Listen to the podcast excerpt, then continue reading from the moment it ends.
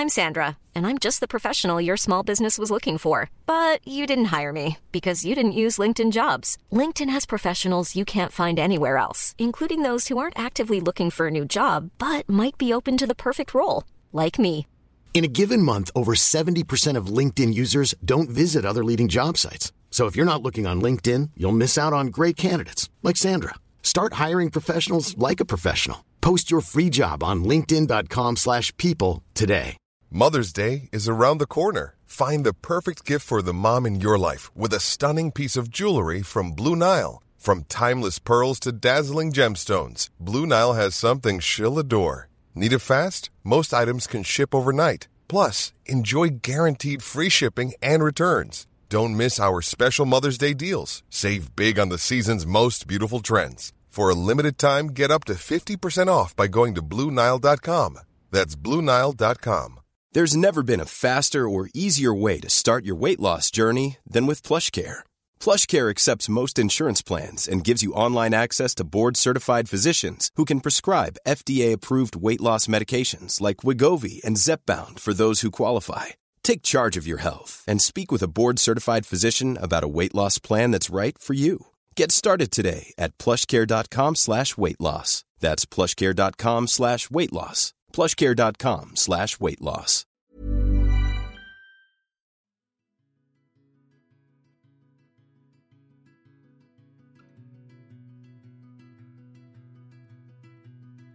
Hej och varmt välkomna till podden Sorgsnack.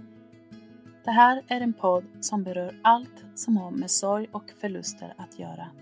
När livet inte blev som vi hade tänkt. När något oväntat händer och hela ens liv vänds upp och ner över en dag. Och när vi tvingas ta farväl av någon vi älskar.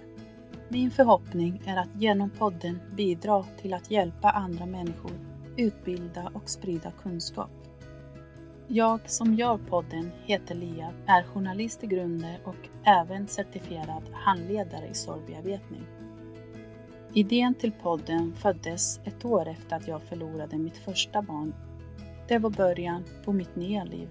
Livet som nybliven mamma och samtidigt änglamamma.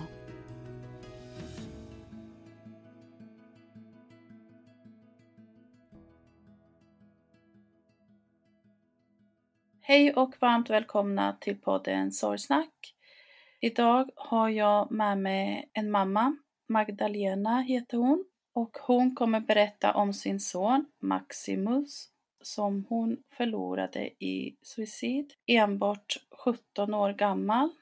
Och eh, vi kommer få höra på hennes berättelse om sin son men även om hur tiden efter det har varit. Det har ju inte gått så lång tid alls. Det hände ju alldeles nyss, för fem månader sedan.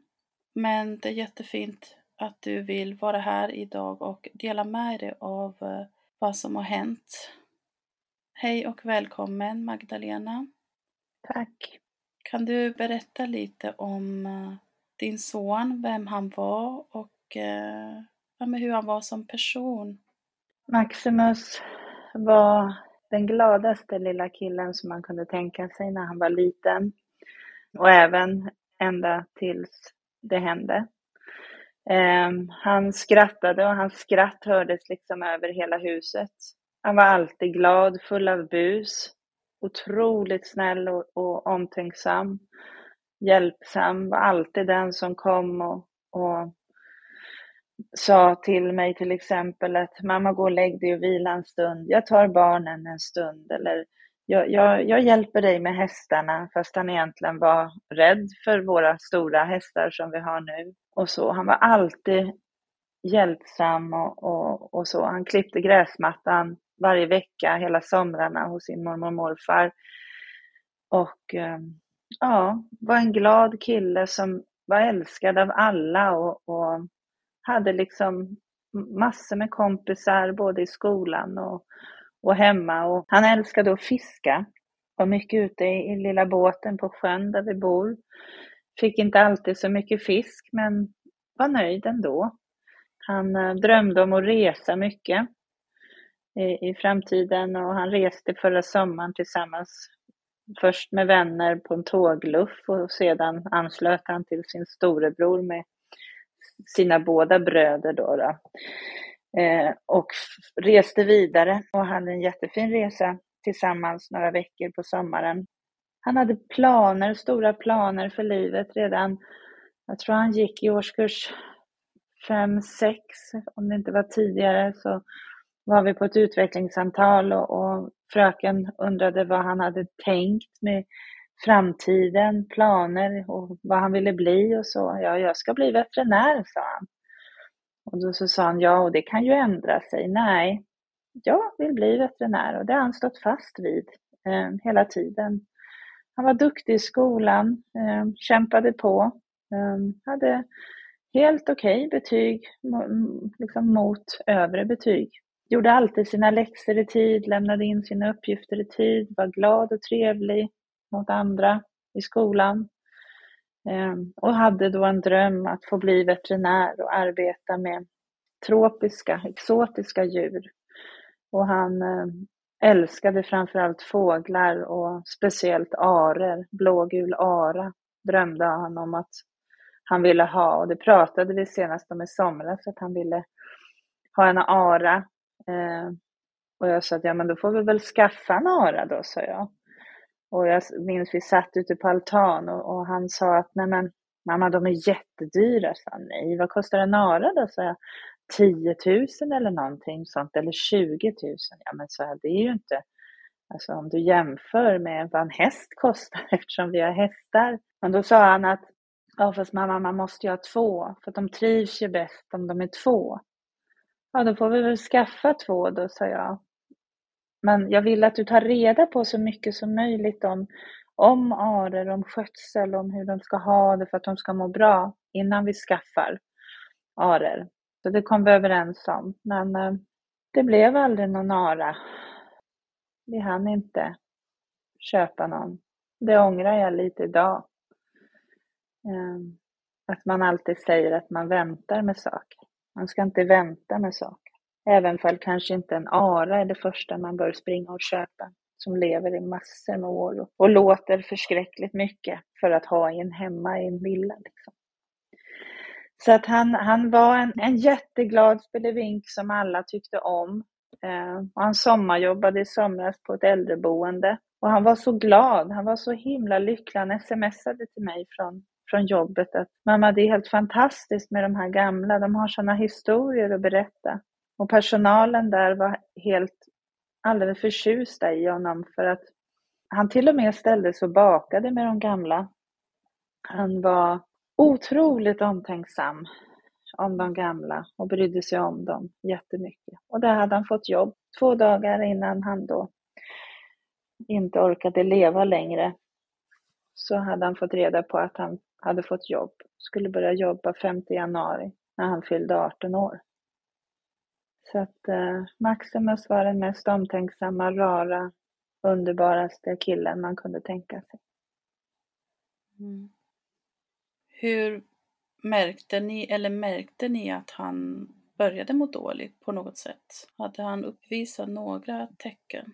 Vid ett tillfälle i, i, på sommaren då innan så, så berättade han, eller han hade skrivit ett brev om att han inte orkade leva längre. Eller egentligen var det inte ett, ett sånt brev, det var mer ett, ett tackbrev där han tackade oss han tackade mig och för vad jag hade gjort genom åren och, och sin pappa och sina syskon och sina kompisar och eh, mormor morfar och, och sådana saker. Men vi pratade om det och jag berättade på att vart man kunde få hjälp och stöd och prata om det. Och, men han ville inte prata med någon, sa han, för han hade ju mig. Och han lovade mig dyrt och heligt att han inte tänkte ta livet av sig, att han inte ville ta livet av sig. Och han lovade mig att säga till om han skulle känna så. Och jag trodde på honom. För att efter den eh, kvällen som vi egentligen satt sådär väldigt mycket och pratade om det, han och jag, så, så verkade liksom ja, men livet gick på. Eh, skolan flöt på, han hade kompisar, det var mycket sådana här, eh, vad heter det, när man åker studiebesök i skolan. Och han var glad och han planerade ju in, vi, vi planerade ju resor. Han ville till Zakynthos i Grekland och, och titta på havssköldpaddorna och vi skulle absolut åka dit i augusti för det är ju då havssköldpaddorna eh, är ja, närmare stränderna eller uppe på stränderna. Det där hade han koll på. Han skulle åka med sina syskon, pratade de om, till, till eh, Tokyo. Eh, de var väldigt intresserade av eh, såna här mangaböcker och såna här japanska serier och så vidare. Så det var liksom mycket planerat. Han, han skulle precis ta körkort eh, samma dag som, som eh, han dog då så hade han ju en körlektion inplanerad för att checka av hur det låg till inför uppkörningen. Han var jätteduktig att köra bil.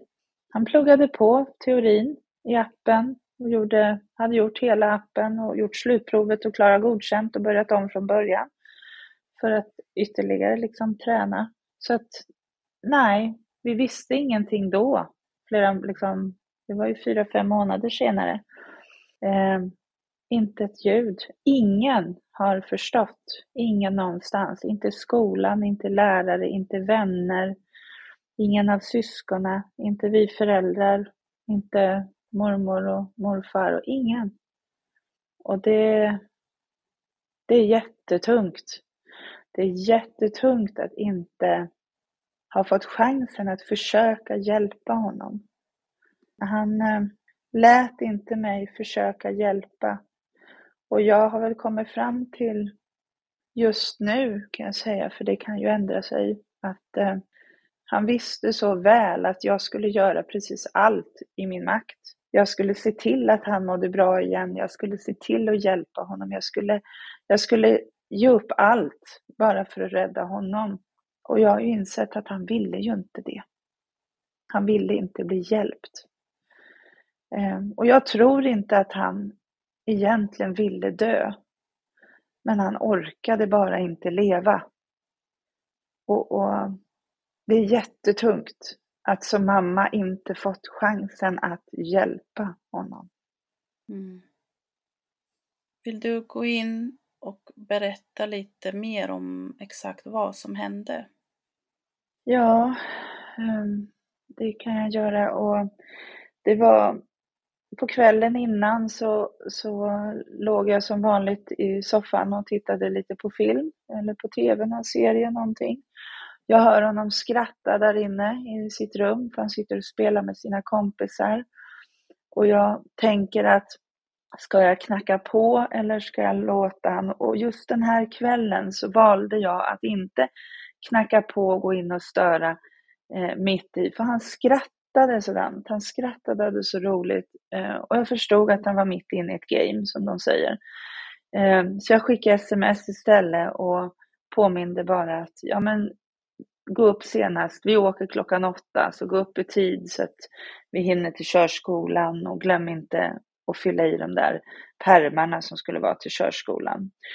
Och jag fick inget svar innan jag somnade och jag tänkte ju att nej men han sitter ju mitt i spelet och kan inte svara och sen somnade jag. Och sen så går jag upp, vi har ju hästar och jag går upp på morgonen och, och ger de andra barnen frukost vid sex och och, och får dem till skolbussen och sen tar jag ut hästarna och sen ser jag ju att klockan är strax innan åtta eller halv åtta. Nej, åtta var hon ja. Vi skulle åka nio, så var det. Vi skulle åka nio.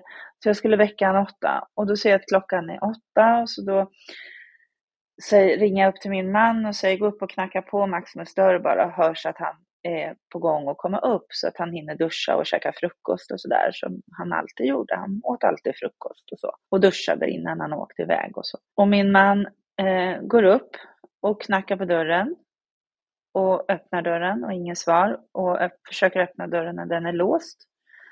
Um, och han, han knackar på igen och förstår ingenting varför han inte öppnar. Eh, för låst dörr kunde han ha ibland eh, och ibland kunde han ju somna med dörren låst så. Och det tyckte vi ju inte om, det sa vi ju. Men eh, han ville ju ha lite privacy ibland och låste dörren då för att inte småbarn skulle komma in och störa. Men han öppnade ju alltid. Så att Johan förstod ju inte varför han inte öppnade. Så att han gick ner och hämtade nyckel och låst upp från utsidan och kommer in och sängen är bäddad och datorn är på. Eh, det är släckt, tror jag, i taket. Men det är ju, det är ju dagsljus, för det är ju liksom klockan är åtta. Och Johan ser honom inte. Eh, och stolen står mitt på golvet, eh, hans eh, datastol. Och så vänder han sig om och är på väg ut ur rummet. Och då ser han att Maximus fötter hänger ut bland kläderna. Så att Maximus har hängt sig i sin klädställning som sitter fastskruvad på väggen. Och Johan får ju panik, min man, ehm, och försöker få ner honom. Och han har hängt sig med spännband. De sitter jättehårt fast. Så han får då springa över vardagsrummet och skriker till Maximus storebror Alfons, 20 år, att hjälp, du måste komma och hjälpa mig. Och han, de hjälps åt och lyfter upp honom då. Han har ju fötterna i golvet, Maximus.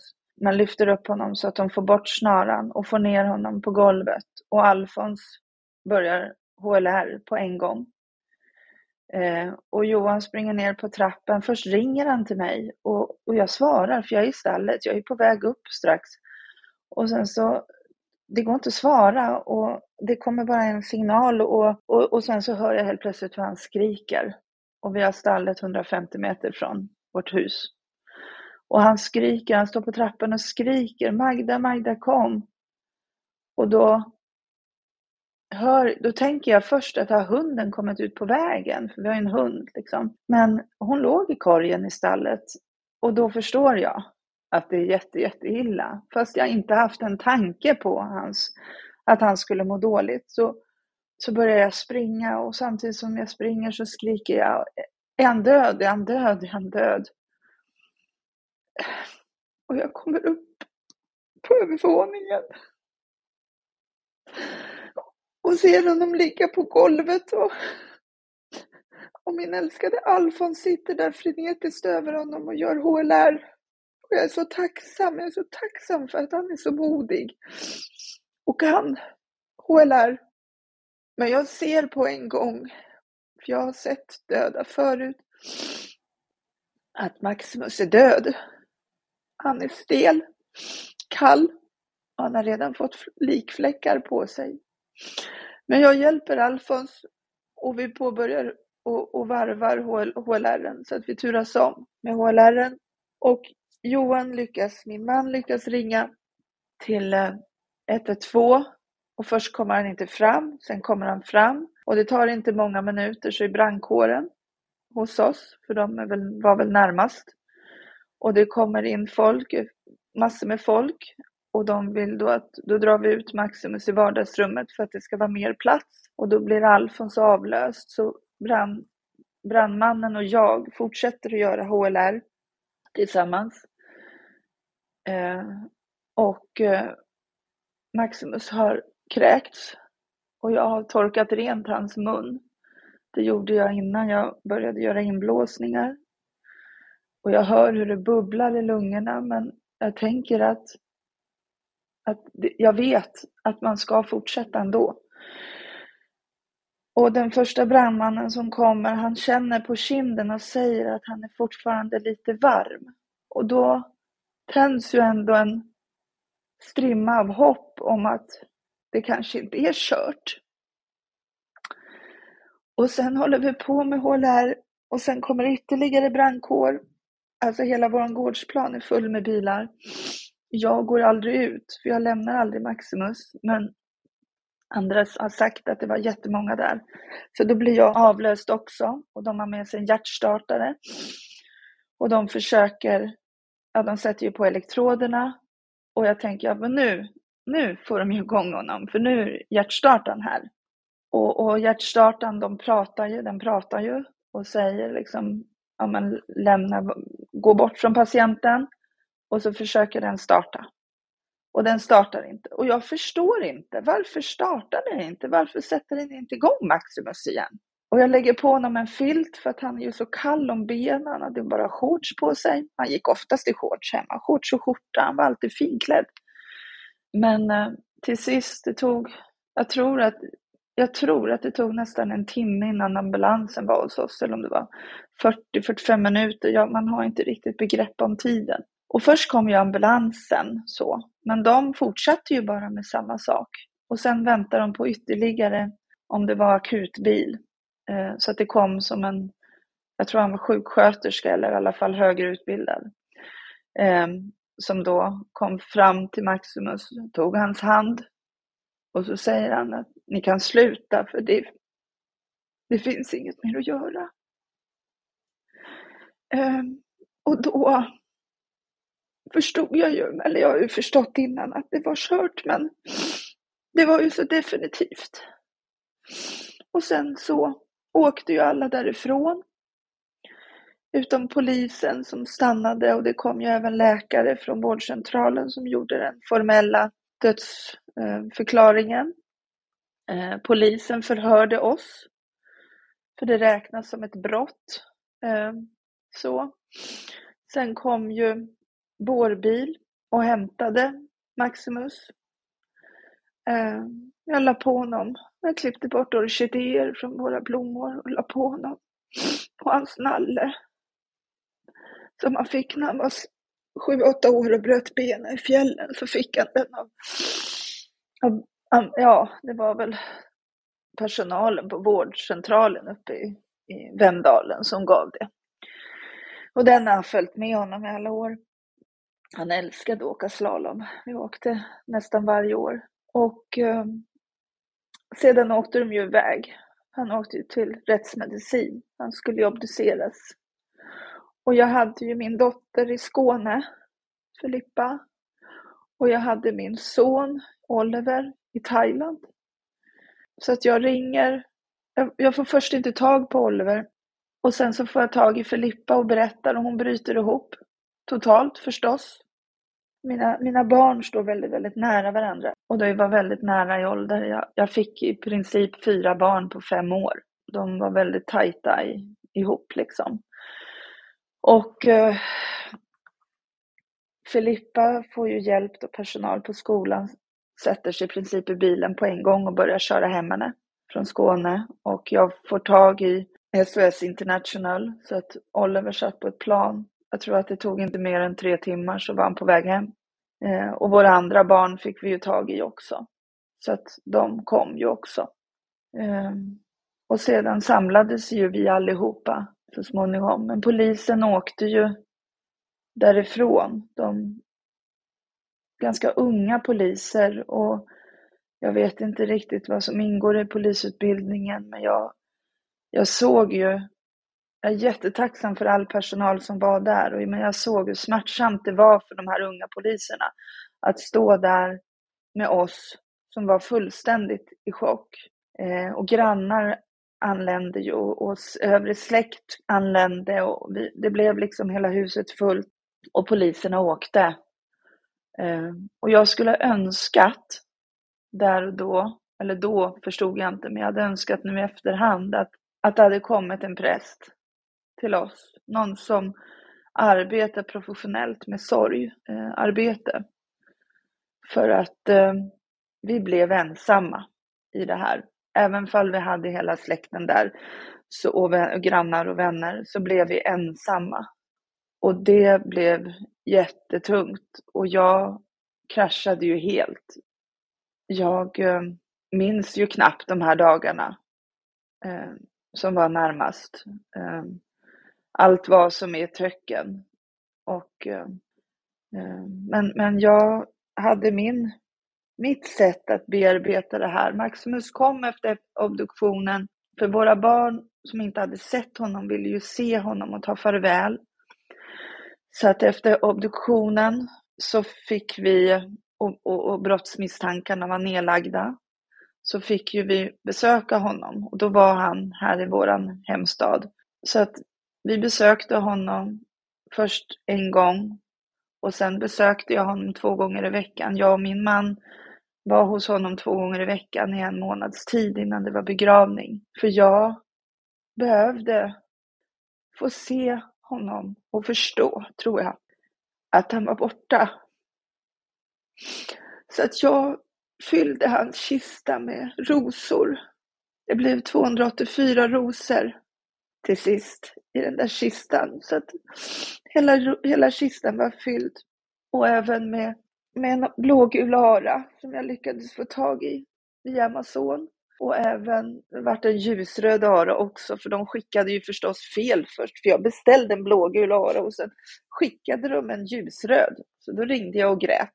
Det tog två dagar så hade de skickat en blågul. Tack, tack. Så att då, och då kunde jag ju inte ta bort den, blå, den ljusröda, så då fick han ha två. Så beställde jag en sköldpadda från Världsnaturfonden, den här gosedjur och la i också. Så att kistan var liksom full där med saker som betydde någonting för någon av oss. Syskonen la också i och pappa la också i och, och så. De här rosorna, hade det någon speciellt mm. betydelse? Eller var det just att du la en ros för varje gång du var där? Nej, alltså jag ville bara att det skulle vara blommor. Mm. Det skulle vara, jag hade fått, jag hade fått för mig på något sätt att, att hela, liksom det skulle vara rosor i hela kistan. Jag gick in på, på affären och köpte liksom alla rosor de hade, nästan alla buketter de hade och, och la i. Eh, och från början så så man blir ju lite knäpp. Måste jag ju, Alltså man blir ju lite knas i sådana här lägen tror jag. Att först tänkte jag men vi kanske har lagt i hundra rosor innan det är klart. Men det gick liksom inte att sluta. Jag fortsatte bara att fylla på och fylla på och fylla på varje gång vi var där. Och jag satt och sjöng för honom. Jag har sjungit jättemycket för honom ända sedan han var liten. Han var spädbarn och, och sådär. Jag sjunger alltid för barnen. Alltid gjort. Ehm, så jag, jag satt och sjöng för honom och klappade på honom. Och och la rosor.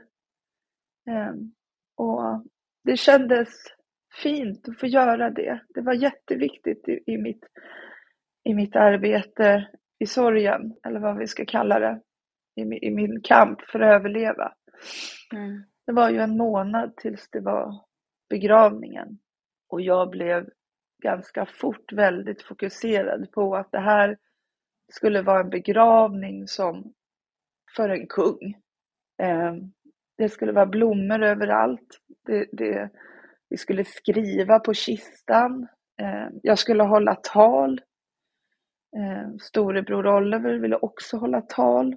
Mormor ville hålla tal. Svägerskan ville hålla tal. Alla som ville komma skulle få komma.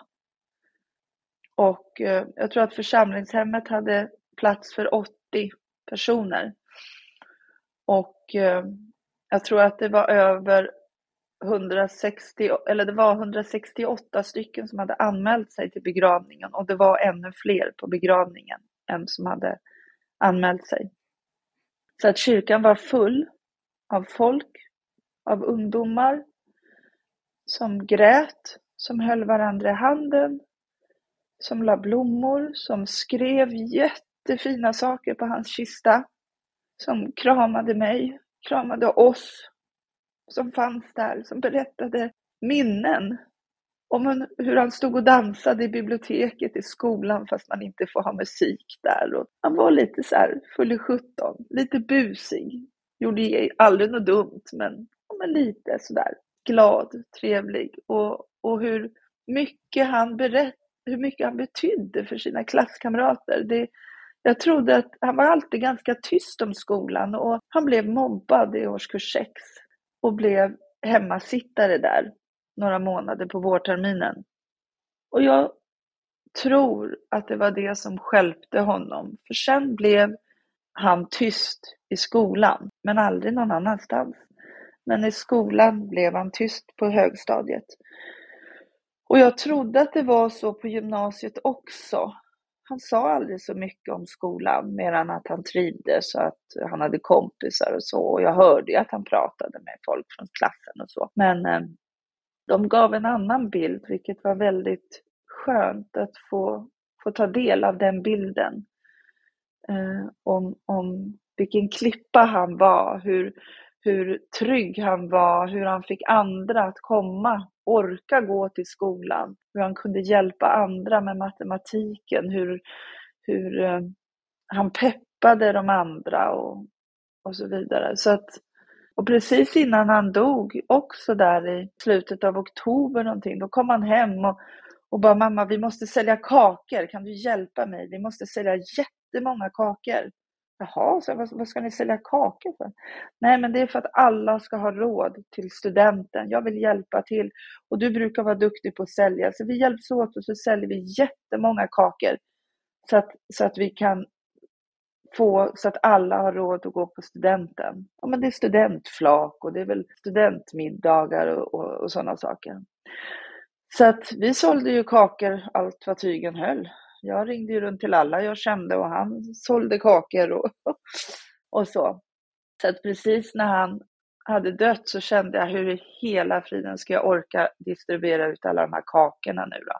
För han hade ju lämnat in sin beställning precis dagarna innan. Men sen tänkte jag att Maximus hade velat, han ville ju att alla skulle ha råd. Så att nej, jag tar hem de där kakorna och så eh, ser jag till att det blir liksom som han ville, som han hade planerat. A lot can happen in three years, like a chatbot may be your new best friend. But what won't change? Needing health insurance. United Healthcare Tri Term Medical Plans, underwritten by Golden Rule Insurance Company, offer flexible, budget friendly coverage that lasts nearly three years in some states. Learn more at uh1.com. There's never been a faster or easier way to start your weight loss journey than with PlushCare. PlushCare accepts most insurance plans and gives you online access to board certified physicians who can prescribe FDA approved weight loss medications like Wigovi and Zepbound for those who qualify. Take charge of your health and speak with a board certified physician about a weight loss plan that's right for you. Get started today at plushcare.com slash weight loss. That's plushcare.com slash weight loss. Plushcare.com slash weight loss.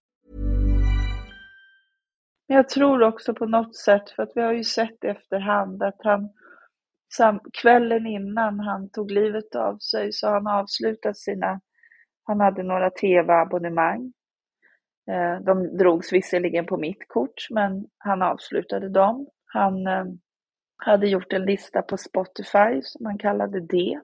Och där var det ju musik, inte jättemånga låtar på den här listan, 10-12 stycken kanske. Och det var ju låttexter med att eh, säg inte att jag är egoistisk för att jag tar livet av mig, gå en dag i mina skor innan du dömer mig, eh, och, och det stora svarta monstret inom mig och så vidare.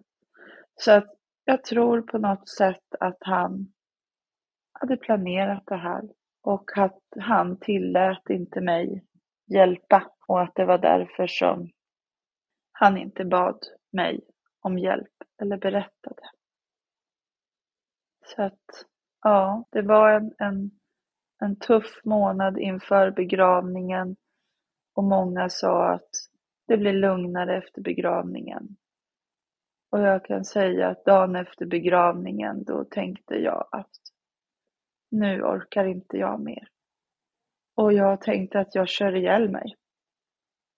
Men eh, sen satt jag i, i, i bilen och tänkte att det är ju jättedumt att krascha bilen. Det blir ju jättedumt för de som är kvar. Då åkte jag ner till Maximus, för utanför kyrkan så hade de lagt ut alla hans blommor på berget. Och, och vi hade, jag hade bett alla efter begravningen att ta med ett gravljus och tänd på berget innan ni går hem efter minnesstunden. Så det var säkert 200 ljus, om inte mer. Hela berget var upplyst och det var massor med blommor. Så jag åkte dit och så la jag mig och det var 17 minusgrader och tänkte att om jag fryser ihjäl nu, då hamnar jag ju hos Maximus. Och jag var lugn i det. Men jag hade ju någonstans ändå bestämt mig för att jag vill inte dö. Jag ska klara det här. Jag har fler barn som förtjänar att ha sin mamma kvar i livet. Och framför allt Maximus älskade mig över allt annat och han hade inte velat att jag inte hade funnits kvar. Mm. Nej, det kan jag verkligen tänka mig, att han måste ha känt så. Men hur har det varit med just det här med att mötas i sorgen när ni, som du nämnde med dina andra barn och resten av familjen. För alla sörjer olika såklart. Och mm. eh, man bearbetar det på sitt sätt. Men jag tänker, har ni kunnat möta i sorgen och kunna finnas där för varandra? Ja, det var tungt i början. Ehm, jag slutade ju äta och dricka helt. Jag, ehm, jag åt ingenting i stort sett på två månader. Jag drack så pass att jag kissade en gång per dag. Eh, och det lilla som kom ut var typ brunt kiss. Så att jag insåg ju så småningom att det här går inte. Jag, jag håller på att ta slut helt. Eh, och till saken hör att, att när jag var 12 år så blev jag påkörd av en bil och blev väldigt illa skadad. Krossade både under, bägge underbenen, bäckenet, eh, förlorade tre liter blod ungefär och bröt nacken. Och eh, mötte, som man säger, det här ljuset i tunneln. Eh, som de som har varit och vänt. Och jag kände då jättestarkt att jag ville inte dö då. Jag ville verkligen inte dö. Eh, och jag förstod nu hur min mamma måste ha känt, för jag är min mammas enda barn. Och jag ville inte utsätta min mamma för det här. Så jag började äta och, och tvinga mig att äta igen. Eh, för att sakta komma tillbaka. Och jag fanns ju, jag har alltid varit den som har hjälpt alla, alltid, ända sedan jag var liten. Så att jag såg ju till att finnas för mina barn, framförallt mina barn. Och i viss mån självklart även min man, att vi fick hjälpa varandra. Men vi sörjde ju, alltså vi sörjde ju båda två, men vi bemötte sorgen på, på lite olika sätt. Jag är van vid att prata om, om allt. Och min man är uppväxt med att man inte riktigt pratar om allt. Men vi kunde mötas i det. Och jag kände också återigen, det är mycket man frågar. Jag frågar Maximus. Maximus hade inte velat att vi inte hade klarat det här tillsammans. Om vi nu har varit ihop i så många år. Ehm, det är 30 år nästa år. Så ska inte det här få splittra oss, för det hade inte Maximus velat. Och inte våra andra barn heller, naturligtvis. Så att jag tänker, tänkte att vi måste klara det här tillsammans. Och vi hjälps åt i det här. Och, och bär varandra så gott det går i det här. Och, men har valt olika sätt att, att bearbeta. Jag, jag måste, känner jag, ha professionell hjälp.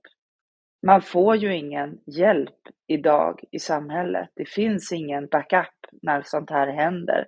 Man blir helt ensam.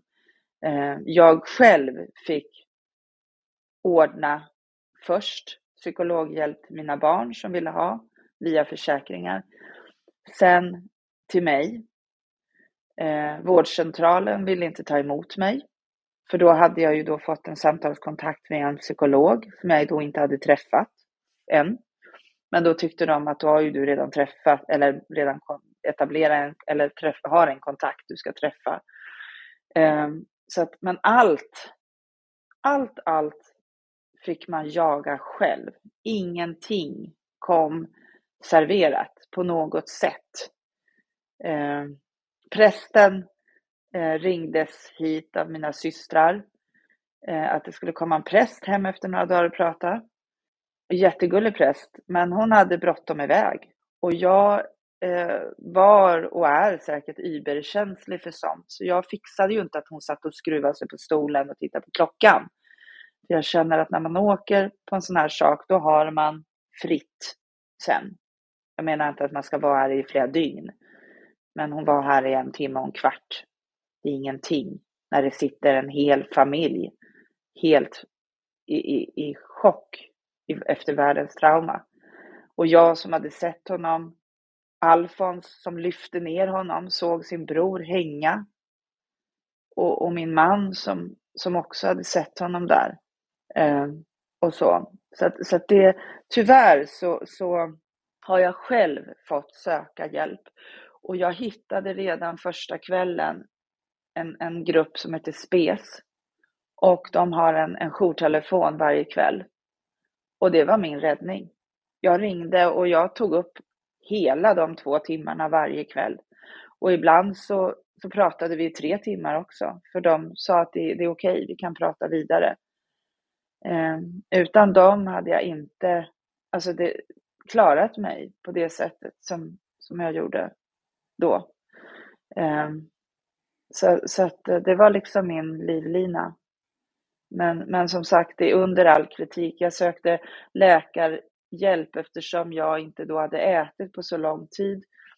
Eh, och söker vårdcentralen för att ta lite ja, check, allmän check, blodstatus liksom så. Och ta lite blodprover, lyssna på hjärta, lungor. Se, jag hade ju gått ner 13-14 kilo. Och jag var inte tjock innan. Eh, och jag fick liksom, jag frågade om det fanns någon form av traumaenhet eller så. Man kunde få hjälp av eh, i våra landsting. Det fanns det inte och jag blev rekommenderad att jag skulle smörja in mig med torv och lavendel för det tog bort sorg. Och jag skulle an, eh, kontakta då antroposoferna för att få blom, blomterapi eh, och någon form av massageterapi. Ingenstans vart jag erbjuden, om man säger vanlig läkekonst. Alltså så, utan det var naturmedicin och annat. Och det, jag fick, alltså, jag kommer klara det här ändå. Men det är ju under all kritik att man ska bli bemött på det sättet. Man ska inte behöva klara det själv. Alltså med det menar jag att man ska ju självklart få professionell hjälp eller det låter ju helt galet det du berättar. Tycker jag i mina öron. Alltså just att ni fick överhuvudtaget vänta med att få en präst och sen så kommer det en präst dit men just att det blir så fel ändå. Det är ju verkligen då det inte får fallera, att det får inte bli så. Nej. Och sen kontaktade jag även psykologen igen då som finns i vårt landsting, i vår vårdcentral. Och jag, när man är, i alla fall jag, jag kan ju bara prata utifrån mig själv, man har inte så mycket ork över till extra saker. Och jag, eftersom jag har arbetat då som, som jourhem i så många år, jag har mött många barn med jättesvåra trauman. Jag har, vi har haft suicidfall, Eh, eller suicidförsök ska jag säga, hemma tidigare.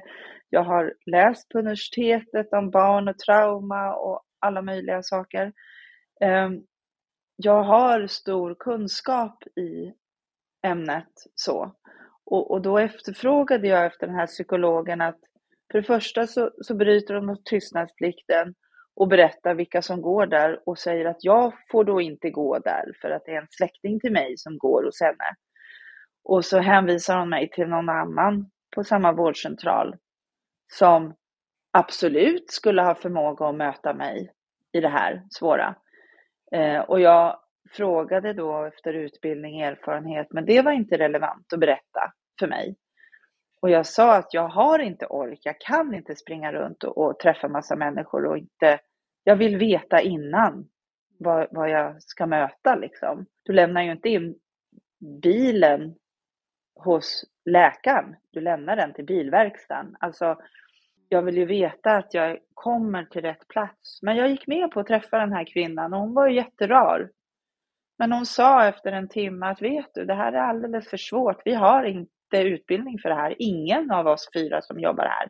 Ingen kan ta emot dig i detta.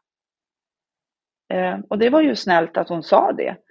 Eh, men samtidigt är det ju under all kritik återigen att, att ändå så, en, så pass stort, stort landsting vi lever i eller bor i inte har kapacitet att kunna hjälpa. Jag kan ju inte vara den enda som förlorar mitt barn i den här kommunen. Nej. Eller som har förlorat någon i självmord. Absolut inte. Det måste Nej. finnas fler. Ja. oavsett om det är så som hon säger att men vi har inte specifikt utbildning på det här. Men vi är ju alla människor och vi vet egentligen hur vi ska det är ju en naturlig sak att vi bemöter varandra med omtanke, respekt och bara finns där och lyssnar. Oftast, okej okay, att man kanske inte har alla utbildningar man behöver, men man kommer ändå väldigt långt med att faktiskt bara finnas där och lyssna, vara närvarande och bekräfta. Har man mm. gått igenom en sån sak som, alltså just att man har förlorat någon, så behöver man prata och man behöver framförallt ha någon som lyssnar. Och det kan, mm. det kan man ju göra som medmänniska. Alltså, men det är tyvärr det här mm. just att många känner att um, de blir ju så rädda för det och de vet inte riktigt, de vet inte hur de ska bemöta någon. Men det är oftast enbart baserat just på rädsla egentligen, för skulle vi bara stanna till och lyssna så kommer vi långt med det också. Mm. Och det är väl något jag också som jag tyvärr har upptäckt efteråt, precis som du säger, eh, rädslan att möta mig. Jag får ju känslan av att många människor inte orkar med mig för att jag gråter, jag pratar om Maximus, jag är mitt uppe i min sorg.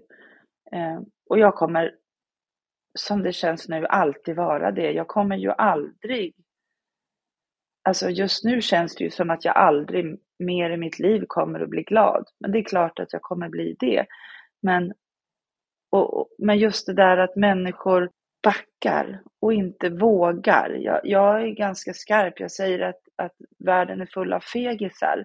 Och jag blir förbaskad faktiskt. Jag blir arg på att människor som man trodde stod en väldigt nära inte står pall. Och det, det tycker jag är hemskt för att alla har så jäkla mycket med sitt. Det är bara sitt, sitt, sitt. Utan att se på någon annan. Jag, jag säger inte att man behöver hänga med mig hela tiden, för det orkar jag inte. Det är inte så. Men man kan skicka ett sms med, med ett hjärta. Man behöver inte ens säga någonting. Man behöver inte, jag förstår att man är rädd för att säga fel, men det finns ingenting som är fel att säga. För att bara genom att man öppnar munnen visar man att man finns där och att man finns kvar och att, att jag inte behöver känna mig så ensam. För jag har känt mig så ensam i detta, även om jag har en stor familj och nära släkt som finns nära och, och andra kan jag säga vänner som jag inte alls trodde skulle finnas för mig har klivit fram och verkligen har funnits för mig och finns för mig idag. Eh, som jag är jätte, jättetacksam för. Men, men sorgen finns ju till en del i att sådana man trodde, som man hundra procent innan trodde att man skulle räkna, kunna räkna med vad som än hände, de finns inte. Så att jag har ju liksom mina kanaler genom att jag har en psykolog nu, en jätteduktig, känns det som, erfaren psykolog, kvinna som jag fått tag i via kontakter. Ehm, jag har gått i sorggrupp via kyrkan. Jag har de här forumen på, på Facebook där man kan vädra precis allt. Och bara, bara en sån sak, det kan låta helt banalt, men att få massa hjärtan. Bara det gör att man känner att man är inte ensam. Det finns folk som som förstår en, som har varit där själva, eller är där själva, som också visar medkänsla. Och det har betytt jätte, jättemycket. Folk som då har funnits i mitt närområde som jag aldrig har känt innan, men inte ens har vetat om, har hört av sig. Och jag har fått en jätte, jättenära vän som också har mist en närstående i suicid en tid innan Maximus försvann. Det har varit avgörande att orka, att känna att ensamheten, att man inte är ensam. Det finns folk runt omkring en som bär upp en när det känns som förfärligast. Mm, och det är så otroligt eh, viktigt. Mm. Och jag har ju valt att, vi kände väldigt tidigt att eftersom vi jobbar, eller jag jobbar med det jag gör, vi har barn placerade hos oss och hade då. De hade också en relation med Maximus och jag kände ju jättestarkt att de här barnen får inte bli flyttade, de här barnen måste få vara kvar. För hur blir det för dem?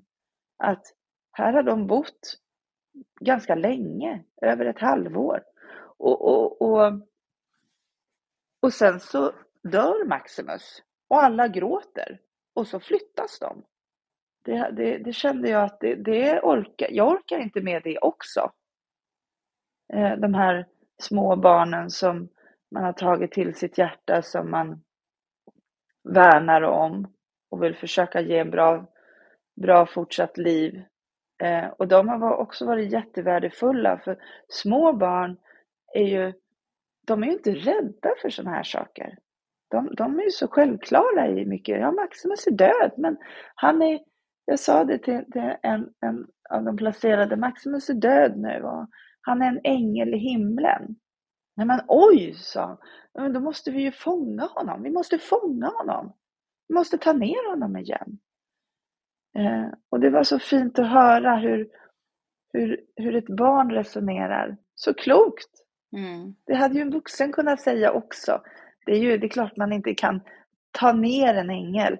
Men det var symboliskt väldigt fint. Tanken var fin, ja precis. Ja. Mm. Mm.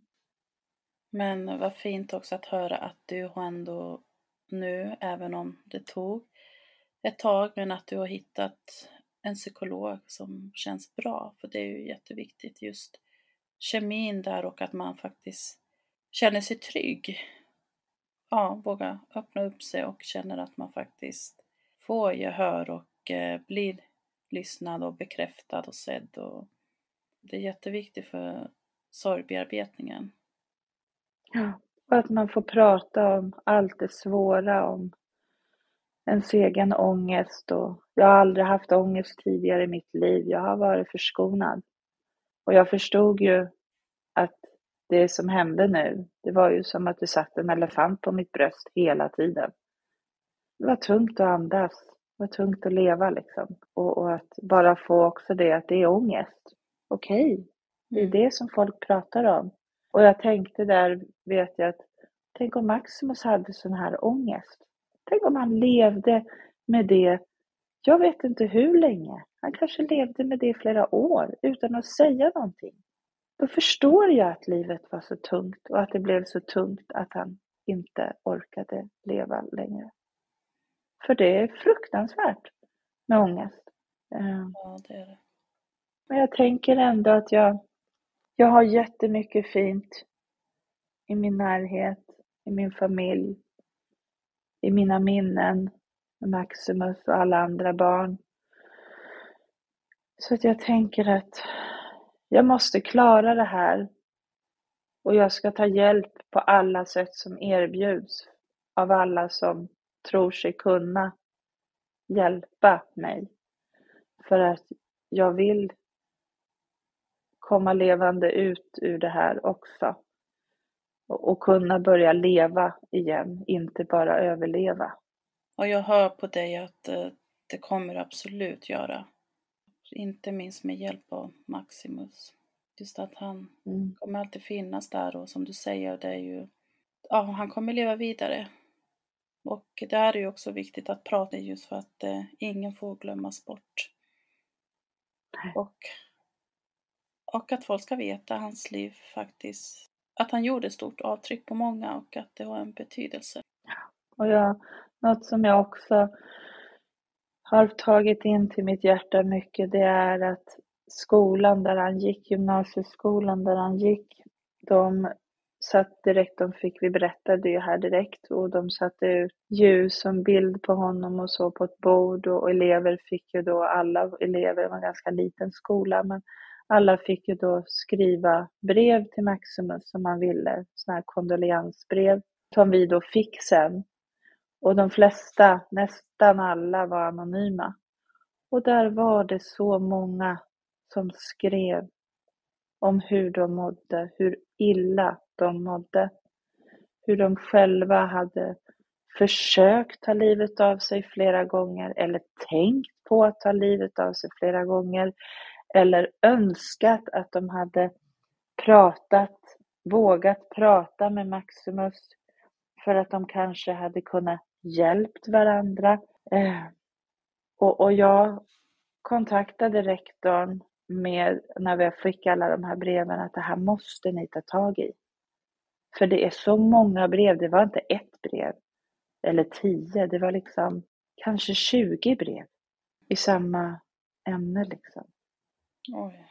Som, som hade skrivit. Tänk en hel skolklass. Ja, det är väl, jag vet inte vad, hur många elever det kan vara på den här skolan. Det är väl några hundra, det är det ju absolut. Men, men det är ju rent krasst flera stycken i varje klass. Mm. Som mår så dåligt att de tänker ta livet av sig. Så att det är ju det är ju det skrämmande, det är oerhört skrämmande och jag tänker att vi måste bryta den här tystnaden och vi måste våga fråga mer. Det som man pratar om idag det är ju att psykisk, psykisk hälsa borde ju komma in som ett skolämne. Och jag mm. tror att det, det ska börja där, det ska börja liksom tidigt och, och, och vi hade ju vår yngsta kille som var då åtta år när det hände.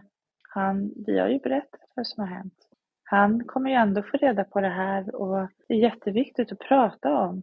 Och att man är ärlig med vad det är som har hänt. Ja, För att han kanske en gång inte ska behöva drabbas av detsamma. Mm. Eller någon annan. Att veta att det, det är okej att må dåligt. Mm. Men det är viktigt att prata om det. Ja, och att det inte det är inget liksom onaturligt. Det är ingen egentligen. skam. Nej. Nej, det är inget att skämmas över. Och, och det är väl, det är väl ändå, jag har, inte, jag har inte skämts för det här. Jag har inte, jag har inte skämts för det här någon gång. Eh, och det är jag tacksam för. Men det är många som gör, som har mycket skuld och mycket skam. Jag, har inte, jag, har inte, jag vet att jag har gjort så gott jag har kunnat. Vad jag har trott var det mm. bäst. Mm. Jag skulle aldrig göra något annat för mina barn. Nej, precis. Man vill ju alltid sina barn det bästa självklart och man gör ju allt ja. för dem. Ja. Mm. Att jag tänker det att man måste våga prata om det här och våga fråga. Och vad fint att du också har hittat i de här olika det är fantastiskt med de här olika organisationer som finns som mm. Suicide Zero, SPES och alla de här grupperna både på Facebook och Instagram. Det är så värdefullt. Ja. Det har varit eh, jättefint trots självklart anledningen och det som hände med fint att få höra om Maximus och eh, vem han var som person. Att din historia får nå ut till andra där ute som går igenom någon liknande situation eller som är mitt i eller som har varit där för ett tag sedan. Att det är så fint att du orkar dela med dig och vill och kunna göra skillnad på det sättet. Så tack så jättemycket. Tack själv. Och eh, till er som lyssnar, glöm inte att eh, det finns hjälp att få om du så är anhörig eller om du som lyssnar på det här själv känner att du mår dålig och behöver hjälp. Det finns många fina och bra organisationer där ute som Suicide Zero, SPES och andra grupper på Facebook och Instagram. Det är viktigt att våga prata och eh, våga öppna upp sig och eh, inte minst sprida kunskap. För det kan verkligen göra skillnad för, för andra och för dig själv också. Och tack för att du tog dig tid och lyssnade på det här viktiga och fina avsnitt. Tack och eh, vi hörs igen nästa gång. Hej då! Hej då!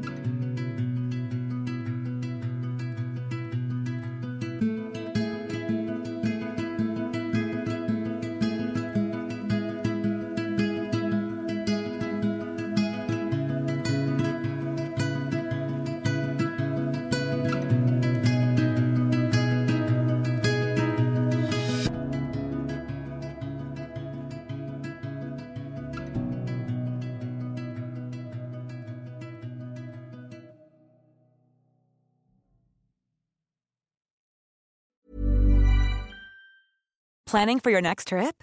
Elevate your travel style with Quince. Quince has all the jet setting essentials you'll want for your next getaway, like European linen, premium luggage options, buttery soft Italian leather bags, and so much more. And is all priced at 50 to 80% less than similar brands. Plus, Quince only works with factories that use safe and ethical manufacturing practices. Pack your bags with high-quality essentials you'll be wearing for vacations to come with Quince. Go to quince.com/pack for free shipping and 365-day returns.